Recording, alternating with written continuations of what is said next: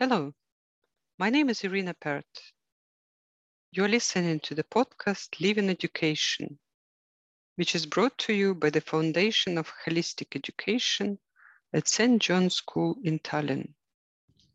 Today I'm speaking to Professor Renos Papadopoulos, Director of the Center for Trauma, Asylum and Refugees at the University of Essex, Jungian psychoanalyst, honorary clinical psychologist, and systemic psychotherapist at the Tavistock Clinic in London. Renos, you have been connected with St. John's School for some years now, have helped us, and you have a good insight into the different aspects of our life. What are your observations? Um, I can honestly say that uh, even since the first time that I worked uh, at your school, at St. John's School, I realized that I was stepping into something very unusual. Um, um, over the years, in uh, as psychologists and educationalists, uh, we have heard about uh, ideal schools and ideal um, regimes of how schools should be run, etc. And um, uh, soon I realized that actually what I was witnessing and what I was experiencing was um, far beyond any of those ideas and um, of, um, of, of, of previous models that I was thinking of. The key things that come to my mind, the key words that come to my mind to begin with is, is, is the sense of community. The, the idea of community for me was something that I um, experienced uh, very in a very palpable way. Um, the community among children, community between the teachers and the pupils, the community between the parents, the, the involvement that the parents had with the school and the children, the other children, and and the and the teachers, as well as the wider um, community, the wider society. For example, me coming from England out of nowhere, you know, invited to communicate with that uh, with that community, with that uh, group of people. Of course, central in all of that um, was the um, real presence of the spirit from uh, the monastery of uh, St. John the Baptist at Essex, which again is a spirit of freedom and, co- and community, freedom, respect, and community.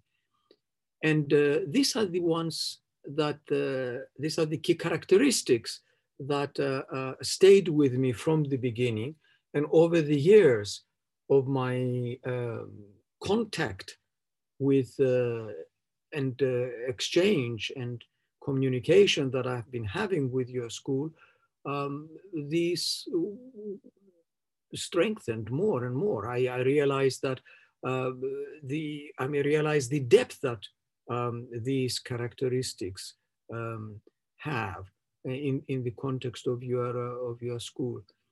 Um, the, the, the structure of the school in terms of the various um, components even of the day, starting with prayer, um, children coming together, um, all in that kind of physical space, um, sitting down on the floor all together and uh, the visitors uh, as well, and, and all of that. That also um, is um, is an expression of something that never felt for me, that it was a kind of a um, imposed uh, um, gimmicky structure. It was, it was something that was an expression of the real spirit of what was uh, really happening at the school. Um, as you may remember, or, and you know, uh, I have also attended uh, classes as well, which is again something not a very usual thing, somebody from outside sitting in a class. Uh, but again, that is part of that kind of permeability and openness and trust and uh, that that exists in the school. Um, if a person is considered to be part of that community, is allowed to be part of those community that community as well, eating together, chanting together, playing together, as well as sitting there during the learning situation. The openness to learning, not only from the children, but from the teachers, experienced teachers, experienced teachers, their humility and openness to listen to uh, whatever comment we may have as external visitors was something else that struck me. I, I, I can safely say that in relation to that, I have not seen that anywhere else. Um, you know, I'm, I've been a university teacher for most of my life, and uh, uh, you know, there are these kind of uh, uh formal um, um, uh, observations of people's teaching, but you know, never, never that, with this kind of trust and openness and uh, genuine uh, spirit of receptivity and respect. So that these are the things that immediately come to my mind. But uh, if you ask me any further questions, I may clarify something else. Yeah. Thank you. Thank you, Renos, for your answer. Uh, so I, I, would like to uh, continue maybe to say something about um, uh, that addresses not only to teachers of our school, but to other people who work with children and teenagers. So if there is one thing uh, that those uh, people working with children should keep in mind in our age, uh, what would it be?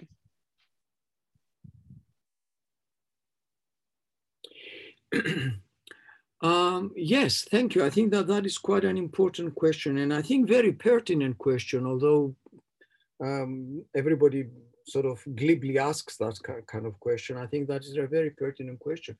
And I think again, um, inspired by your school, I can safely say that that's the you know the place where I, I have seen in practice the reality um, that it's not what we tell students to do, but um, what is it that we convey to them? Um, and I think that is what I have again seen at the school, and that is what I would say that it's it's important. Everybody is everybody um, finds it easy to um, to tell somebody else as to what they should be doing with their lives, um, and it's very easy to sort of tell young people and you know, uh, because they don't know much about life as yet, and uh, we tell them do this and do that, etc. And of course, we should guide them. The question is, are we transgressing their freedom, and how do we distinguish the freedom from um, destructive forms of inappropriate understanding of freedom? And the best way to do that is by conveying to them the values we want them to follow. And the best way to convey the values is for us to adhere to them. Um, we cannot ask, for example, children to um, to be polite or to to to be thoughtful and reflective of the of themselves um, if they do not see that we do that ourselves. And for example, we can go back to a young person and say, I'm sorry, I was a little bit harsh the other day when I said that to you. Uh, please forgive me. Um, that is much more um, of a lesson than 20 verbal instructions that I can bombard a young person with as to what they should be doing. They realize that, uh, you know, uh, this is something that is feasible, that actually um, the grown-ups that care for them are capable of doing and then they can realize that they can also do themselves. So the best way is to enter you know i have an expression sort of we need to enter into their universe. In, other words try to understand what is it that makes them tick. We need to understand the pressures that they are under. We need to understand their aspirations. We need to understand um, their silliness. We need to understand their needs for, uh, for everything um, and, and connect with them there. And from that point of deep connection with them, to introduce whatever we want to, them to follow, but not to introduce it in terms of an empty uh, instruction and certainly not in terms of empty abstract regulation and, uh, and rules and uh, of, don, of do's and don'ts, but um, uh, out of as an extension of our, own deeper connection um, with them. So I think the difficulty we see nowadays is that um, um, people find it very difficult to connect deeply with the pain, with its orientation, with the um, um, bewilderment of young people that they are living in this world with so many contradictory and crazy sometimes uh, messages that they get around them and uh, confusing their own needs with uh, pressures and with messages from society. Uh, they are so confused. What they need is the stability of the deep connection with us. And then from then on, from that deep connection with them, which is an expression of what I said, um, their real experience that we have entered their universe, that we can connect with them, that we understand them. Usually we try to help people by trying to solve their problems too quickly. No, what matters much more is for people to feel that they are not alone in experiencing whatever problematical issues they are dealing with. And that is what we need to offer them that experience that they are not alone, that they, even if themselves, they cannot understand themselves in, in, in why they behave or do or have all these contradictory um, demands and needs in themselves, at least to feel that we understand that predicament of theirs, that confusion of theirs. That is sufficient. That is sufficient to ground them, to give them some kind of sense of reality, because the messages around are uh, really, I mean, not only confusing, but much more, you know, very destructive and very contradictory and very, you know, crazy, insane. You know? And people nowadays, they're exposed to so many different uh, uh, messages. In the old days, it was just, um, I don't know, um, uh, the neighborhood and the school. Um, now it's not just only television, but you know, constantly on their telephones, they are uh, connected with so many different universes, and uh, that is impossible to control. I mean,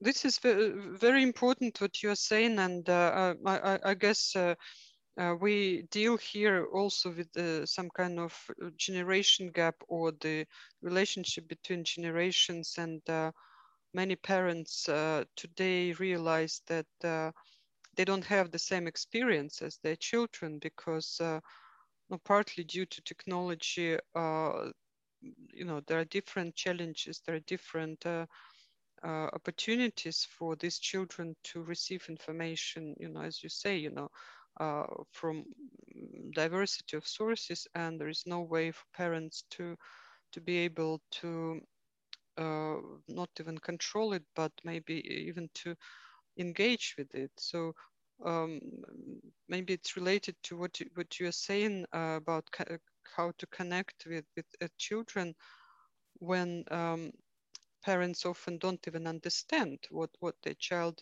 is, dealing with. Uh, so what would be your um, um, you know, answer to that? Yes, uh, you're absolutely right. You're absolutely right. I, I think that uh, uh, that should remind us um, that um, um, the first point of departure should be the awareness that we do not understand them. The, yes, I mean, uh, we know our uh, children, their names, their habits, etc., etc. And we, of course, we we delude ourselves that we know each other. We don't. We don't. If we if we realize that actually um, they live in a different universe, they differ, they live in a different world that we cannot understand, and we when when I'm talking about that, you know, I really mean different universes, not with different rules and regulations, with different priorities, with different everything. If we don't understand that they live in a different universe with all of, with all of these differences, then we will not even make an effort to enter it and try to understand it and meet them there. Meet them there. Now we cannot we cannot act like that, but at least to get a glimpse of the distance that exists. If we, if we think that there isn't some, such distance, then, then that's where the, the tragedies begin, because we talk to them in, you know, in one language, so to speak, and they understand in a different language and, and there is no communication and then everything breaks down.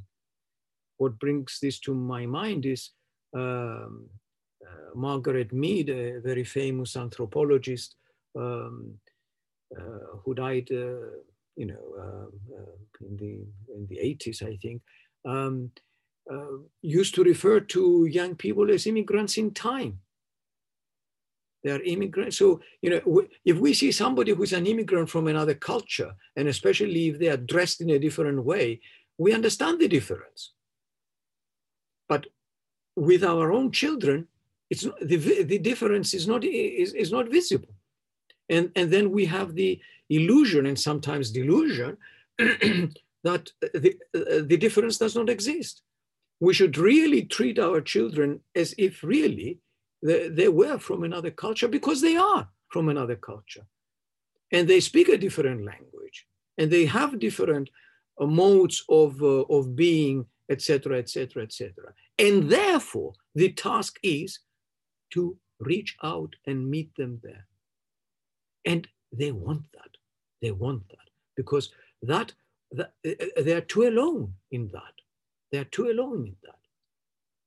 And they, so um, yes, I, I suppose the, the task, once we appreciate this, is to um, take for granted that uh, they belong to a different universe and, and our task is to reach out and enter that as much as uh, we can, not expect that there is anything ideal. There's nothing ideal in this world, but for us to make an effort and to genuinely try to meet them where they are.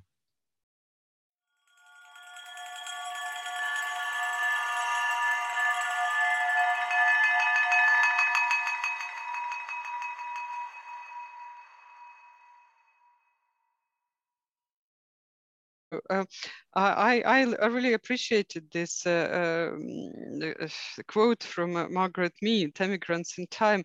So different culture. This is this is very apt, and I, I'm thinking about. Um, uh, not just that the parents may not understand, but also they uh, might be scared. Like, you know, pe some people are afraid of immigrants, some people uh, are afraid of uh, immigrants in time or something that they don't understand. They they they have this uh, kind of uh, uh, you know worry. You know, there you know about the dangers. Uh, so how to deal with these fears? That maybe some of these fears are justified, some of them are not justified. But generally, do you think fear? Uh, I mean, that's we should have this fear, and how how to deal if we do have it. Yes. um, uh, yes, very, very important. We're really entering into important uh, um, issues now because um, for me, difference does not mean problem. Um, differences need to be acknowledged. not to be fudged, not to be glossed over, not to be ignored. Differences are there. When, if there are differences, we need to be aware that there are differences and then try to understand what are the differences. If we if we're aware that there are differences and we try to understand what they are, then we will then find ways that we can relate through these differences. You cannot wish differences away. You cannot wish them away. They're there. Now, differences can be very enriching and supplementary and complementary. Um, in other words, um, I mean, there is a saying that, uh, you know, we're, we're looking for people who are the same as ours, uh, as, as, our, as ourselves. And uh, that, that's the biggest hell. The biggest hell is to, to, to be with people who are just only like us. because we don't see any variety, we don't see any, any difference, we cannot change, we cannot grow, we cannot develop. Development means difference. And uh, um, now, you are absolutely right in saying that the usual and unfortunately, we may even say automatic response to facing a difference is that of fear instead of curiosity or instead of uh, genuine interest and instead of um, um, um, eagerness to connect and, and meet that person who is uh, occupying a different space, a different culture, a different way of understanding, etc., etc., etc. But you are absolutely right. Insofar as usually the human response, the tendency of the human response is to be scared of the difference, then exactly the same thing happens with our children as well. And that explains, in fact, the, the, the, the, what happens that when we sense a difference from our children, we are consumed by fear and then we try, try, try to pretend that it's not there. And then the whole thing collapses because we distort reality, we distort our feelings, we distort their situation, and the whole thing collapses. So you're absolutely right. Uh, the difference, the otherness, as they say, the otherness of the foreign, of the stranger, of the refugee, of the uh, of the young person, can evoke feelings of distance and fear and misunderstanding. And therefore, that should become the stimulus for reaching out and, and, I, and trying to understand myself in relation to the other. And then the rela relationality, the community, the ecclesia begins. But if I see it in terms of, oh, no, no, no, that's different from me. I need to protect mine. That is bad. I'm good. They are bad. That kind of crude, of a simplified polarization, then the whole thing collapses. And that explains why the communication with young people often is very problematic because um, we are, as grown-ups, are uh, consumed by fear. They are consumed by fear. And uh, fear and fear together um, develops destructive scenario. Uh, thank you, Renos. I, um, I would like to pursue this topic, but maybe um, uh, we can come back to some of these themes. We have so much to cover. And uh, what you said is uh, somehow related to my next question. Um, about the state of the world. Um, so the, you mentioned already something about the confusion and these contradictory messages that uh, uh, people receive through various media. Um, so maybe you could uh, say something about how you perceive what is happening in the world and what should be the mission of Christians be in this world and in this uh, time? Thank you. Yes, in a sense, yes, in a sense, it is a kind of a natural extension of what we have been talking about. Well, I, I don't think that I is, is not my personal uh, um, uh, view or, or, or uh, recipe or anything. Um, um, um Christ's uh, mission is very simple, is love. And if anything, is loving even your enemies, not only, not only people we like, not only people who are different from, but even people who are actually, you know, harming us. So uh, the message of Christians has always been that of love. Now, of course, today becomes even more difficult because of exactly of what we have been talking about, that um, the differences matter so much today, um, and they're so polarized. You know, we see uh, not only uh, fanatical um, um, forms of so-called religion killing each other and all of that. But even you know even uh, everywhere everywhere the um, the polarization and the and the lack of tolerance uh, tolerance never mind love just simply tolerance. People do not even tolerate uh, somebody who has a different view. Um, um, if there is no tolerance how are you going to respect that other human being and try to reach out to try to understand them. Never mind help them, but at least help yourself to be enriched by understanding their predicament. Now, we live in a difficult world. I mean, but at the same time, you know, we're talking about this world today. I mean, if we look at history, tell me one time in history that there were no problems from Old Testament to always, you know, there, there are always difficulties. So this world always has these difficulties. But the Christians from the beginning had an alternative, and that is love. And that is unconditional love. And that is a very radical message and is not an easy thing to do. But it follows really from what we've been saying. It's not easy to do it, but there is no other alternative. All other alternatives, all other alternatives have proven to be extremely uh, well. They don't not only they don't work, but actually they they, they are destructive and they and they and they create sort of utopias that um, uh, make things even worse. So um, I think you know my answer to this one is a very, fairly simple one. You know the the the uh, the Christian message has always been that of love.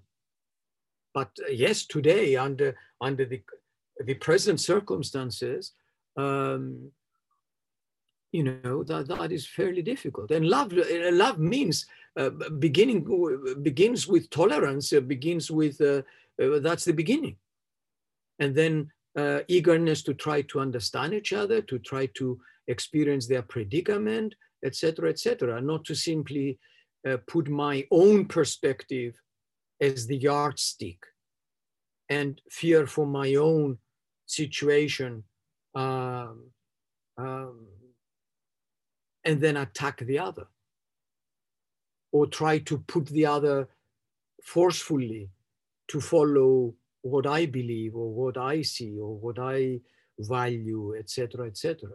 So the same thing that we have been saying about the young people is the same issue with uh, not only refugees nowadays in the world, but uh, all the others. Look at what's been happening in America. I mean, wonderful people, both sides, and they and they, they are completely polarized, completely polarized. The, the one side looks at the other as if they are uh, sort of uh, extraterrestrials, and uh, you know, I mean, you know, they deny them even the basic right.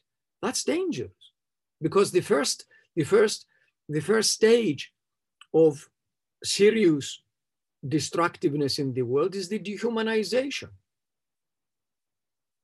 And, and if you think that the other person is not human being, but is vermin or is uh, uh, cockroaches or whatever, you know, referring to what Hitler was referring to, or in Rwanda, etc., th then you can go and uh, try to kill them, exterminate them. Now, I'm not saying that we're there now, but I mean, you know, eh, the moment you dehumanize another human being, um, then what is left? Uh, the road is open for anything else to follow. So yes, uh, it, it's the same process. It's the same process. Thank you again, Rena. So I, I would like to um, maybe um, direct you to uh, something that you've been working uh, on uh, all your life, uh, and uh, it's to deal with um, trauma and uh, adversity. And I would like you to um, oh, I know it's difficult maybe to, to, to give a short answer, but maybe to explain how your approach uh, is different because we uh, hear the word trauma quite a lot. We, we, you know, there is uh, something that people talk about, especially if we talk about, you know, uh, children, so childhood traumas that uh, haunt people uh, all their life or uh, much broader, you know, the, the, the traumas of, um, uh, of violent past. Uh, you've mentioned Rwanda. And uh, so um, how much do you think we should pay attention to this and think about, you know, intergenerational effects of trauma or this kind of lifelong effects? So what is your approach, Renos?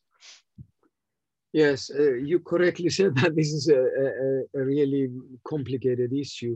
Um, but uh, let me try to be as precise as uh, and as concise and precise as I can. Um, yes, uh, uh, my approach is fairly different from the traditional ones. Um, basically, the traditional ones uh, try to validate the importance of the destructive um, effects of uh, adverse situations in the world. I do not disagree. I do not disagree with that. I do not disagree that uh, the um, destructive, um, uh, that, that, the various adversities in the world create um, traumatic experiences in people. But where I differ from uh, a lot of uh, these uh, um, conventional ways of understanding trauma is um, in terms of the um, permanence of that, that people have been uh, marked forever or damaged forever.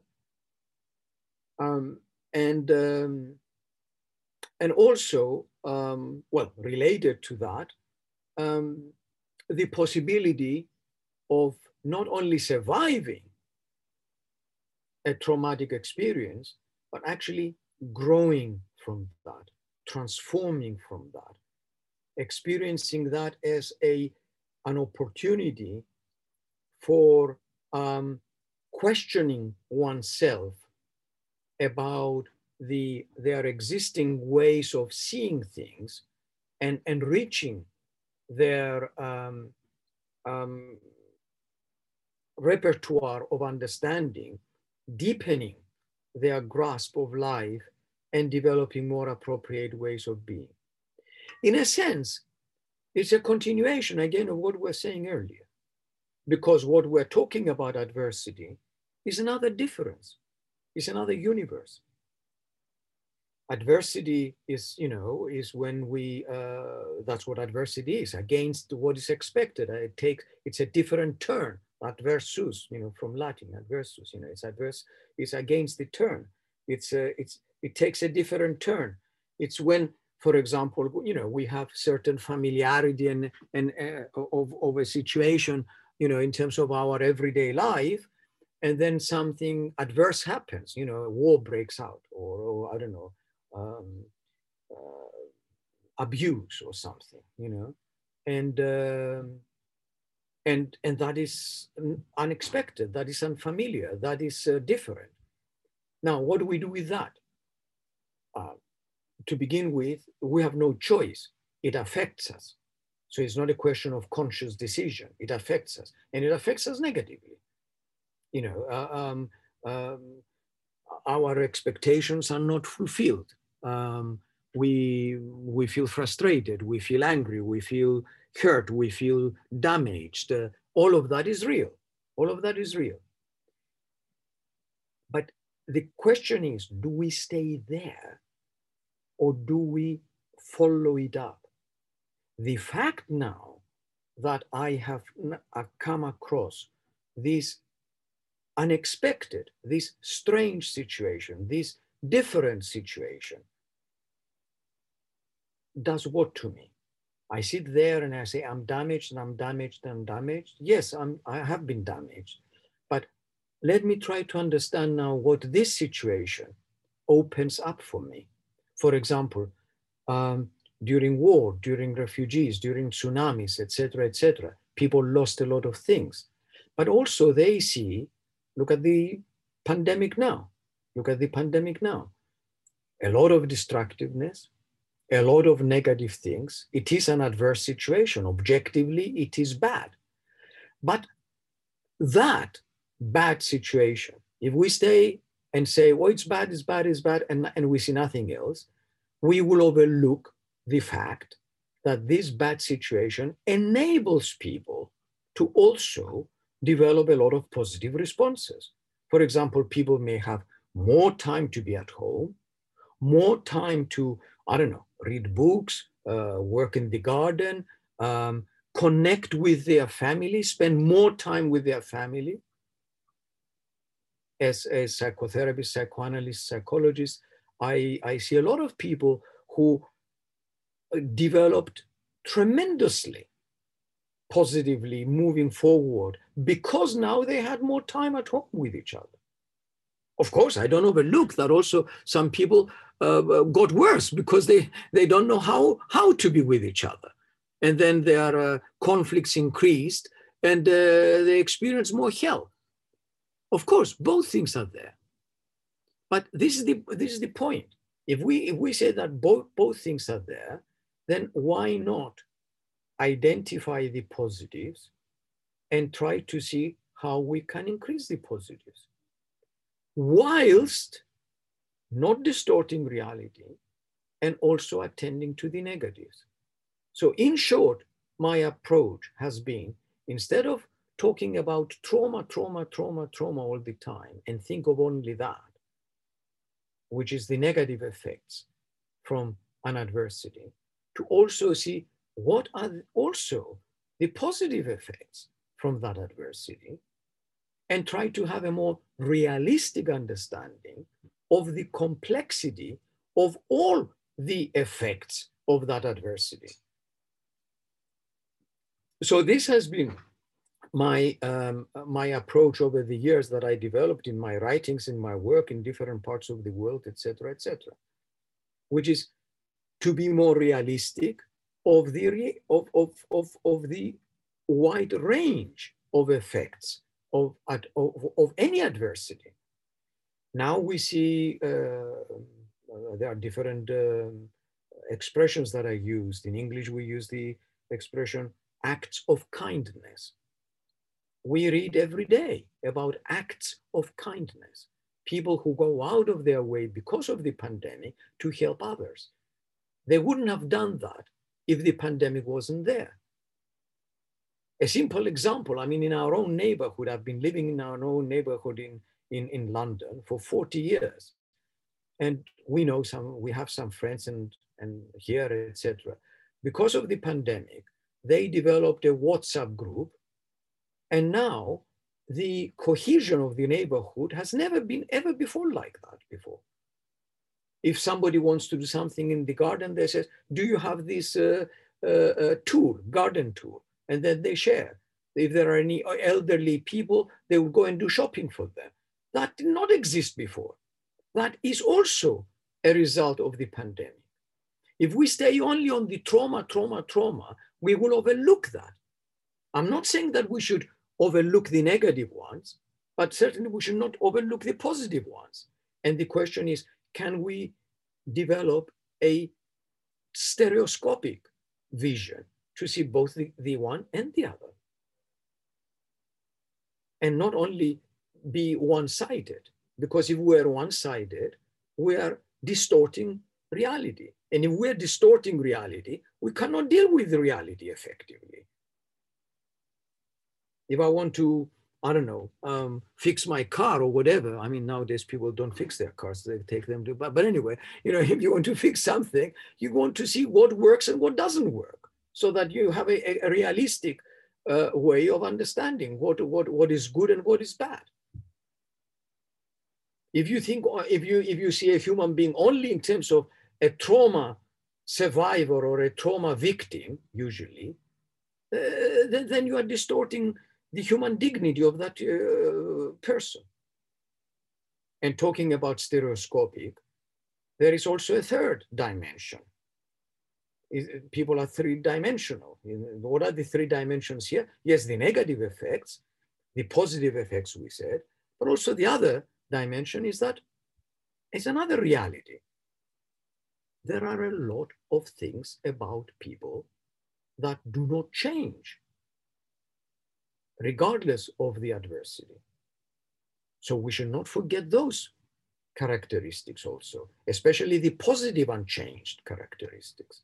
So if we see the negative effects as well as what things about a person have not changed, especially good ones, in other words, the ones that have been retained from before they were exposure to adversity, those that have been resilient, that's another word that people use a lot, that have been resilient to adversity. In other words, despite the adversity, these survived. People are kind. People uh, can look after each other. People can pray. People, all of these are resilient functions that some people have not been affected in as far as these dimensions are concerned. In other words, some of these functions continue to be the same despite the adversity. Even if people develop PTSD, even psychotic, whatever, always there will be some characteristics, some functions um, that do not change. So we need to identify those as well. So if we identify the negative, the ones that have not changed, and the positive ones, then we have a proper and appropriate understanding of the reality, which means the wide range of effects from the adversity. And then we're in a better way to focus indeed the, on the negative ones in order to help with what we need to help there, but also to help in terms of strengthening the positives. So why be one-sided? One-sided is, uh, is distorting reality and is not effective. So that is my approach, which for me is sort of very common sense.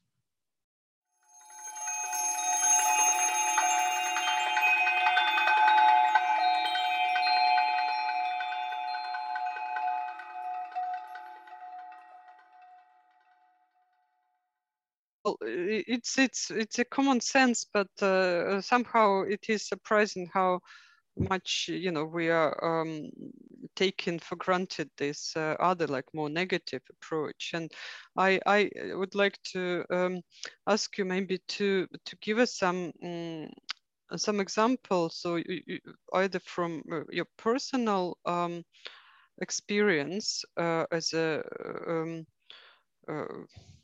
a person who lived in, in, in different countries and uh, uh, including uh, South Africa and and originally you're from Cyprus and you also lived in Serbia.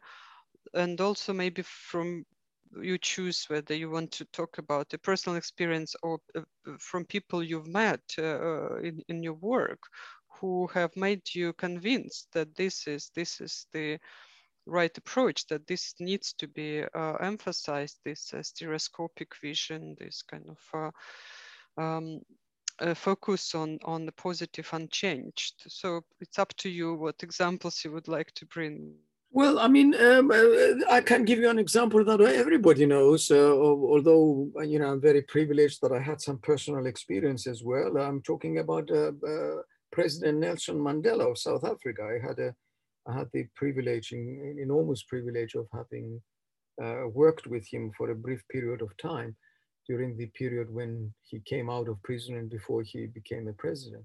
I was then living in, in the UK, but I used to go back to South Africa.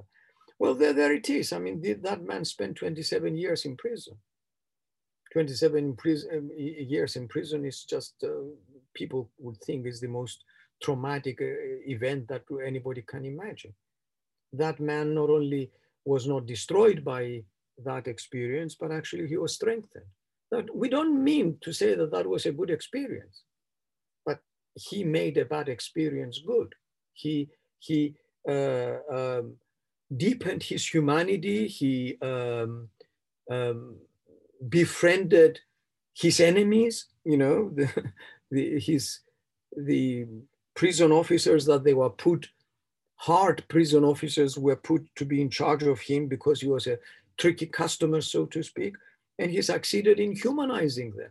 And he ended up helping them and helping, helping their, them with their family problems. And they saw him as a, as a good uncle, as a good grandpa. You know, he humanized the situation, an inhuman situation. So there, you can't find any more, you know, a better example of something objectively very negative that a person succeeds in getting the best out of it. So uh, we need to make a distinction between the uh, destructiveness of the event itself and the effects that that has on people. Yes, uh, you know, he's uh, he could not change the destructive effect that he was incarcerated, he was in prison for 27 years. But um, he did not allow that to destroy him. If anything, that strengthened him and developed him as a better human being. The same thing, um, I mean, you know, the, there is the um, popular uh, saying in most languages and cultures whatever doesn't kill you strengthens you. Um, and and that, that, that is a reality, and that is what I'm talking about. And if you see that in every situation, uh, the idea is not to simply look at the silver lining, the positive thing, but you know, not distort reality. If we if we look only at the negative, we're distorting reality. So, uh, uh, and and I'm not saying to simply uh, avoid the pain. On the contrary,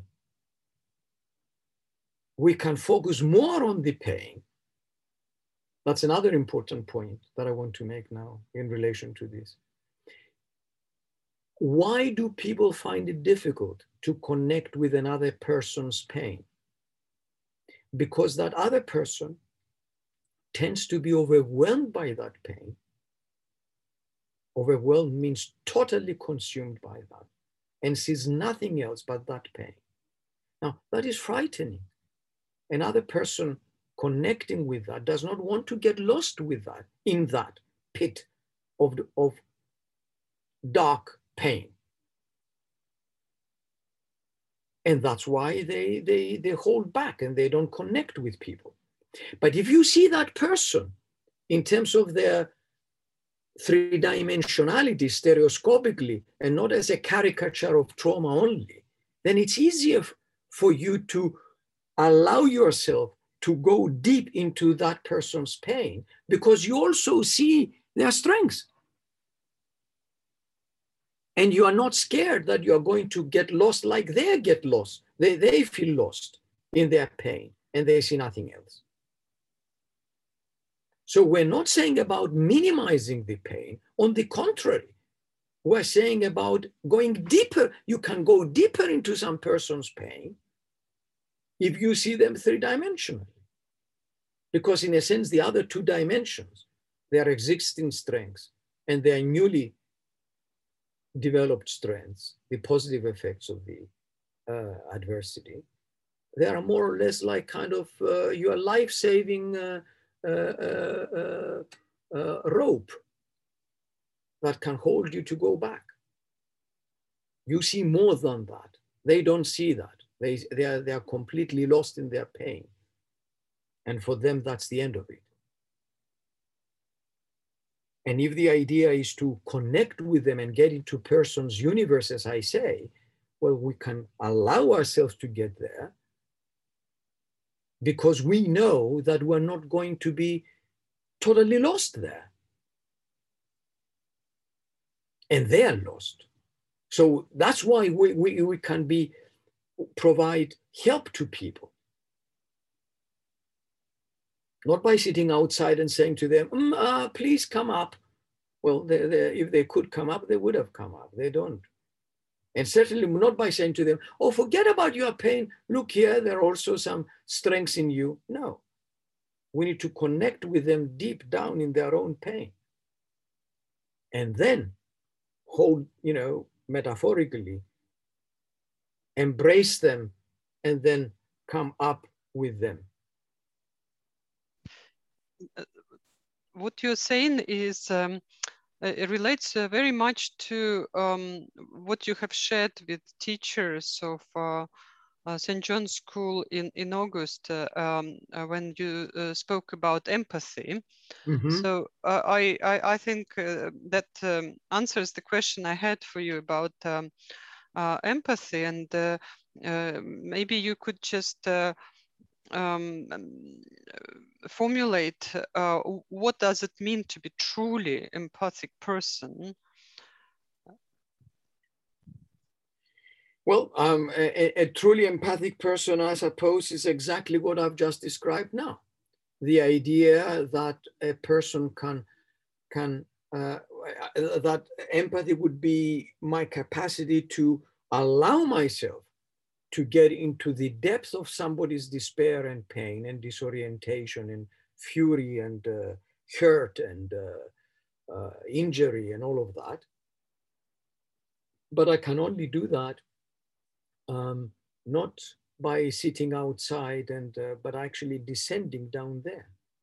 Descending down there means uh, you know I engage with that person, I embrace that person, I go I go down there, but I can only do that if I feel that it's safe for me to come out. And what will give me the safety?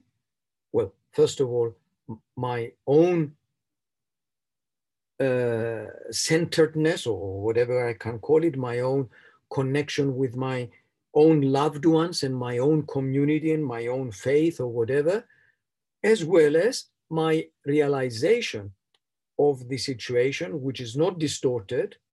I know exactly what the score is, so to speak. I understand the landscape very clearly. And I can see that, yes, this person is lost there, but also has these strengths. And also, this person has also gained from that. So, for the time being, he's locked down there, but I'm going to connect him with the other parts of himself.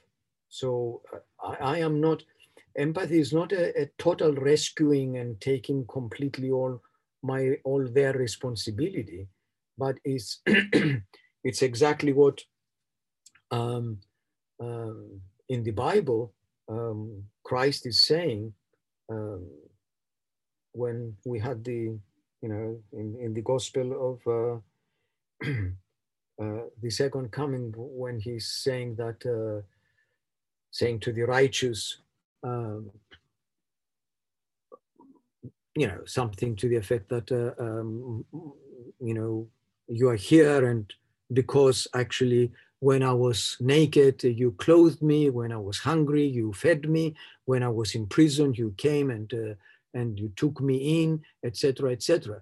And then they said to him, uh, "But when, Lord, did we ever do that?" And they said, "Oh, well, you know, because you did it for my for your fellow brothers and sisters, for your neighbor, you did it for me as well. So in that context, the word that he uses in Greek, um, I was a stranger and you took me in. In English, they say you took me in. In, in, in the Greek is synago, which is synagogue. Um, and then means walk. The original, it has two meanings, very interesting. You know, it has two meanings. One is um, walk along, walk along, and the other is contain. And by walking along with somebody, um, you accompany somebody, in effect, you contain them. Because only if you walk along with them, and I think that can be that can be said also about the young people we were saying earlier, about the refugees, but also in this situation about what we're talking about now, about people who have been traumatized. Walking along means feeling the depth of their despair, their anger, their hurt, and all of that, and going along with them, not just simply seeing it and getting a glimpse, but walking along, being with them. And that, in effect, the effect of that is containing. We don't just simply go there and embrace them, we just walk along with them. In other words, we experience how they experience life from that position.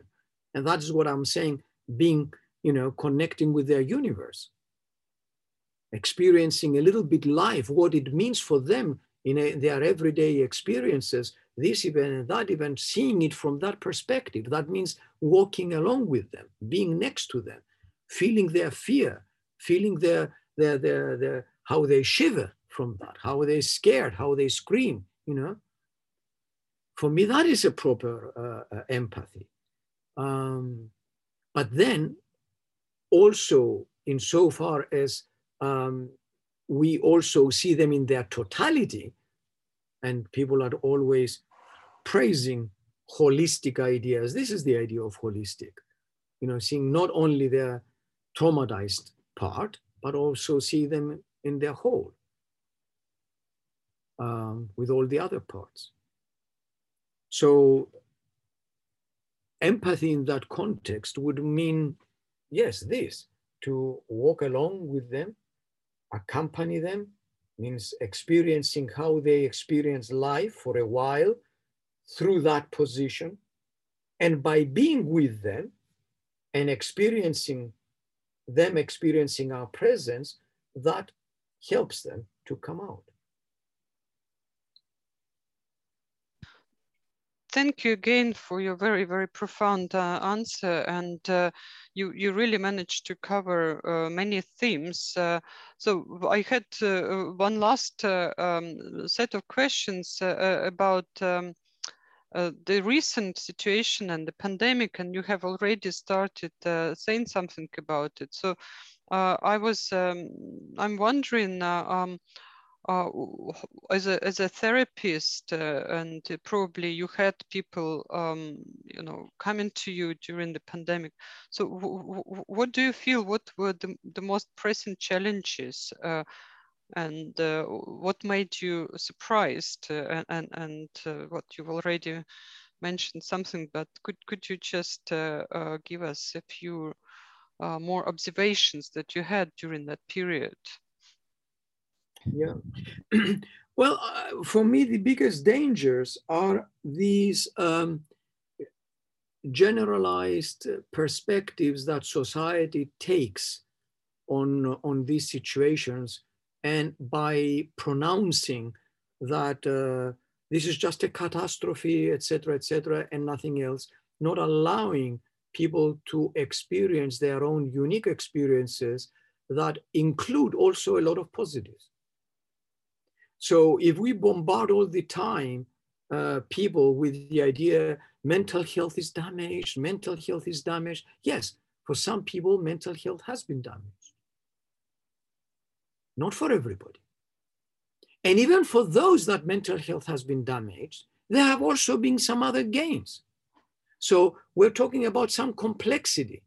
And my concern about this pandemic is the not the pandemic of the virus, but the pandemic of the virus of the perceptions of the of the, the pandemic of the narratives, as they say, the pandemics of the of the theories that people have, the pandemic of the slogans that people have that are rather oversimplified. And and uh, uh, um, uh, of course, I'm horrified, of course, by all these conspiracy theories, etc. But you know, I understand the conspiracy. Please, I do not support them. I think are terribly dangerous. And I think they're actually, you know, psychotic. they're terrible.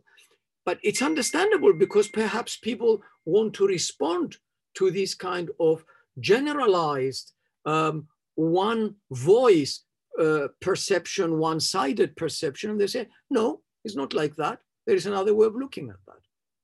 Well, instead of going and, and finding crazy ways of looking at that, why don't we look at, at, the real ways of looking at that, which includes, um, you know, uh, that yes, that there is an exaggeration in so far as that um, um, sometimes, you know, about the negative things, exaggeration in so far as it does not include any of the positive things. And it does not include any of the existing uh, uh, strengths of the people. So I see the, the, the conspiracy theories as an overreaction against this kind of blanket, this kind of almost totalitarian view that society has been developing in relation to the panic of the, which is, which is a result of the panic of the pand pandemic. And in a sense, uh, they react against that in a crazy way, if, if, I may say so.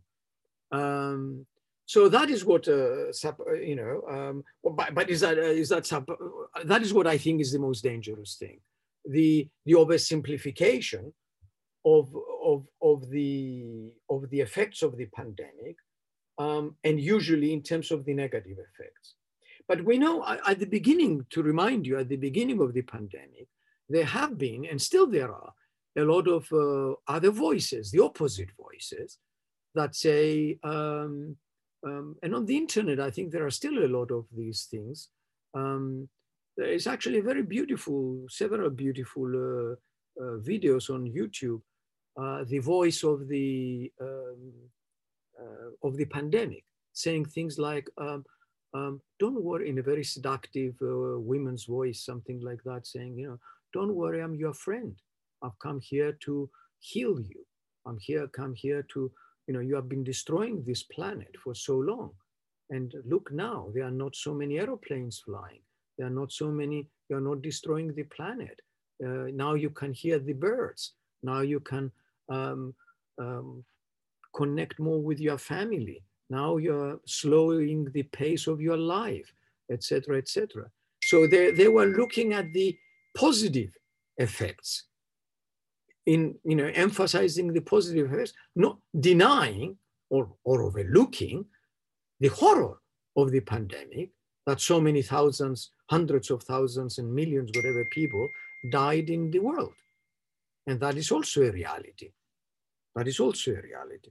So you see, you get polarized perceptions, either this side or that side and this is uh, this is what I learned from this pandemic uh, that uh, whenever there, which is an extension of, of what I was saying about my understanding of trauma, whenever people are exposed to these adverse situations, these are emotionally charged situations, very strong, and people try to oversimplify things and they polarize things, and some of them look only at the positive, and some look only at the, only at the negative. I was another thing that another another uh, uh, uh, observation of mine from the pandemic. Um, I'm not surprised, but it's always pleasant to be surprised in some way. Are the acts of kindness? You know, uh, because it's always wonderful to sort of see people going out of their way. For example, in Britain, we had Captain Tom, a man reaching 100 years old, uh, uh, disabled, and uh, wanting to help uh, uh, other people and walking, doing his own bit, walking around his his house. You know, what more simple, simple things, and people that inspires people. That's wonderful, and and and and and the world has so many such wonderful, inspirational um, people and situations, and it's lovely, wonderful that uh, during the pandemic, we have been exposed to those as well. For my liking, uh, there, there have been many more of those, and we should have been hearing much more of that. Because also I, I, I volunteer and I help uh, in the British uh, National Health Service uh, workers who, you know, doctors, young doctors, nurses who worked in the in the pandemic war wards and you know seeing there five six people dying every day without human contact. And then these people going back into their empty flats or broken relationships. Terrible terrible but you see the, you know the the the, the, the how people are moved and want to do that and find meaning and find love. That's wonderful. Against all odds. So that's, uh, I think the, the pandemic um, should help us to realize that, uh, uh, yes, there is a lot of craziness in the world, but also there's a lot of love in the world. And um, what a pity that we forget that, the love. And hopefully well, we will not forget it when the pandemic uh, eases and uh, we go back to more normal forms of life.